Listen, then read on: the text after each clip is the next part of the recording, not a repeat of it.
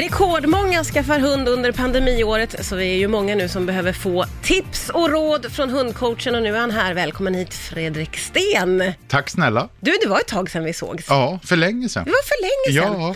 Du, det är ju, eh, och det här har man pratat om under flera månader, det är jättemånga som vill köpa hund nu Mm. under det här pandemiåret, eh, vilket ju har lett lite grann till att det har blivit säljarens marknad. Mm. Eh, priser till exempel som har gått upp. Vad tänker du om det? Ja, här är jag lite motströms då. Alltså jag, jag tycker ju att seriösa uppfödare som gör ett bra jobb, alltså man kan säga så här, går vi tillbaka innan coronaepidemin så att säga, då, då jobb, gjorde ju uppfödarna samma seriösa jobb, men det gick ju inte ihop. alltså prisbilden kanske var för låg då, Ah. eh, vill jag nog påstå. För jag tycker seriösa uppfödare som bedriver en seriös uppfödning, och de ska väl också kunna tjäna en slant på det de gör kan jag tycka. Så jag har inte så mycket synpunkter på det här med prislappen, för det är ändå vi köpare som avgör om vi vill köpa eller inte. Det som oroar mig däremot, och det är ju som allting när det kommer in pengar, det är ju att det blir en oseriös avfäll istället då. Ah. Alltså, åh den här valpkullen sålde jag och fick så här mycket pengar för, ja men då parar jag med grannens hund så får jag lika mycket pengar. Den... Finns det sådana tendenser att Ja, man liksom försöker pusha på? För Ja. att det har ju varit ett, en enorm efterfrågan. Så är det. Eh, att många, och såklart för att många har mer tid nu och, och det behöver ju inte betyda att man inte är seriös, men att man har Mm. Nej. Mm. funderat länge och nu passar det. Eh, och det har ju också lett till att uppfödarna har kunnat ställa höga krav Ja. och, och välja väldigt Ja. fritt själva. Ser du det som positivt? Ja, det gör jag. Det, det gör jag faktiskt. Och, och, och, alltså jag är, man är ju orolig för vad händer nu då när coronan och när det går över, för det gör det ju får vi hoppas. Alltså, kommer det bli som eh, sommarkatter då, eh, coronahundar? Men jag är ju så naiv där, så jag tror ju inte det, utan jag tror ju att alla familjer som skaffar en hund tycker att det är jobbigt under vissa perioder givetvis. Men hunden blir väldigt, väldigt fort en del av familjen. Och då tror jag väldigt många kommer att gå på en känga där att ups, det här var jobbigt, men man behåller hunden ändå och så blir man en hundmänniska istället. Alltså att man, man värderar det bättre. Jag, tror, jag tror det. Hundar har ju en... Man har ju gjort undersökningar på det och väldigt många hundägare, tre av fyra tror jag, ser ju sin hund som lika mycket värd som en familjemedlem.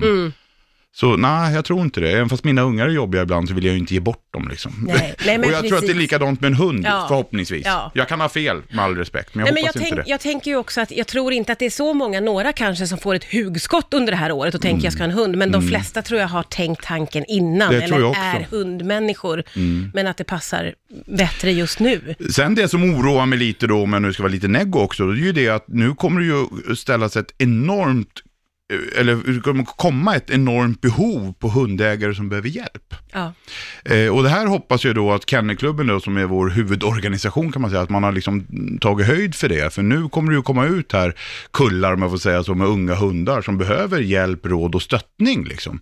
Och dels så hoppas jag då att organisationen har tagit höjd för det, för att kunna hjälpa alla, för annars blir det ju problem. Och sen är det ju också en möjlighet för, för organisationer att bli större och starkare och bli bättre. ja, Liksom. men verkligen. Eh, Men där, där är jag lite orolig, för jag, jag märker ju på min mailkorg så att säga att det finns enormt, jag får enormt mycket mer eh, väldigt simpla frågor idag. Så, Har det ökat Ja, det har senaste det året? Gjort. Det har det gjort. Ja, okej. Så du tolkar det lite som att det är lite första gångs... Ja, det är Hundägare. okunnigare hundägare och det vill jag understryka, det får man vara. Ja, ja, alltså, ja. Det, har all, det är alla första gången, så det har jag inga synpunkter på, men jag märker ju att jag får mer sådana frågor. Ah, okej. mm, och det, det hoppas jag att vi kan liksom alla hjälpas åt att ta hand om Ja. då, i sådana fall. Ja. Annars kan det bli bökigt. Vi tog avstamp lite i det här att väldigt många vill ju köpa hund under året. Och då tänker jag, då är det ju inte bara folk som får, tänker att nu har vi möjlighet att köpa en hund. Då är det ju också många som tänker, nu kan jag köpa en till hund. Ja. Och då är det ju, tänker jag, finns det väl knep för hur man ska tänka. För om man har en hund där hemma och tar hem en valp, vad ska man tänka på då? Ja, framförallt det som är viktigt att tänka på tycker jag, nu pratar jag generellt, men det är ju det att, att har man en valp innan så ska man ju avvakta lite och ta hem en valp till. Ja. Alltså en valp ju, kan ju vara skitjobbig, Ja. två valpar är in i helvete jobbiga. Vågar inte ens tänka den tanken, ska och det jag säga. blir, det blir mer än dubbelt så besvärligt. Ja. Så där brukar jag säga då att kan man hålla gärna ett år emellan dem liksom, Ja. så, så är det ju att föredra. Ja. Och då finns det ju alltid undantag. Nej, jag har haft två valpar och det gick bra. Ja, Ja. Undantag finns det alltid, men jag undviker det i alla fall. Ja, men låt oss säga att man har en lite äldre hund Mm. där hemma då och plockar hem en valp. Eh, hur ska man hantera den situationen? Situationen? Eh, det, nio gånger, eller 99 gånger av 100 så är det inga problem. Det enda man ska tänka på det är det att hur snäll min, eh, hur snäll min gamla hund är, så kommer den att kunna ha visa beteenden som du inte har varit beredd på så att Ja. säga.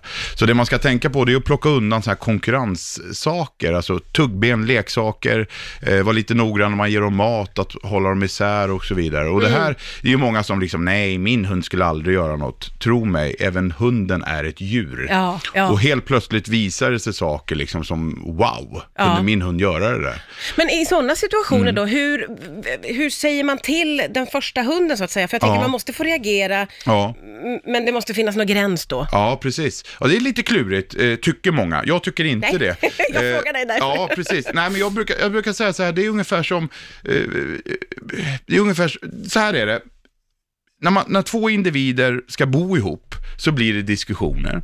Det blir gränssättningar. Det skulle det bli även om du och jag flyttade ihop. Så att Mm. Då skulle nej Fredde, det här gillar jag inte att du gör och så vidare. Så får jag anpassa mig efter det. Och, och, och sen så kokar vi ihop och så har vi helt plötsligt en bra relation. Likadant är det för hundar, så man får passa sig när den vuxna hunden säger till valpen. Och så där. Får man passa sig så man inte lägger sig i för mycket. Mm. För då gör de aldrig upp det här. Nej, nej, nej, de måste få Ja, liksom, hitta ett sätt. Ja, och då brukar jag säga så här, för att göra, försöka göra det enkelt.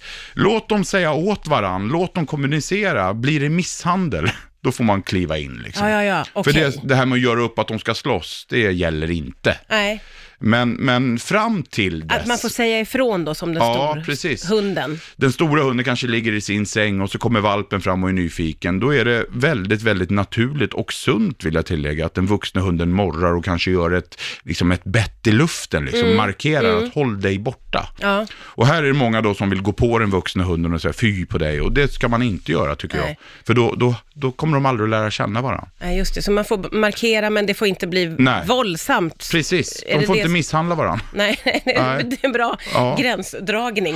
Eh, jag har en till fråga på samma ämne och det är eh, i träningen, hur mycket ska man träna dem ihop och hur mycket ska man träna dem isär? Om du förstår vad jag menar nu. Mm. Ja, jag tror att jag förstår hur du menar. Eh, Man, man kan väl säga så här att den största tiden kan man ha dem ihop. Liksom. Alltså att man kan umgås hela familjen, för det är ju ett flockdjur och de vill ju vara hela familjen.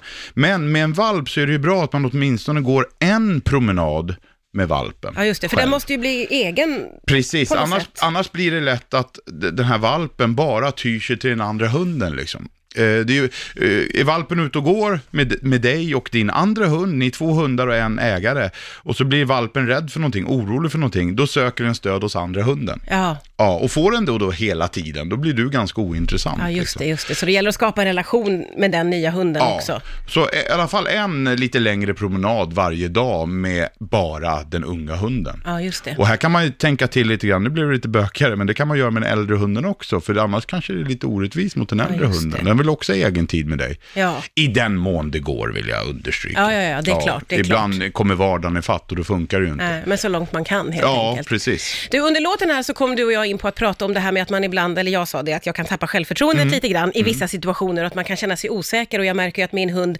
direkt märker av det Ja. och utnyttjar det. Ja, ja, det Skulle jag säga. Eh, Men det är ju svårt det där när man som eh, matte eller husse känner att nu blir jag lite orolig, Mm. att liksom ta kontrollen över sig själv. Hur gör jag det?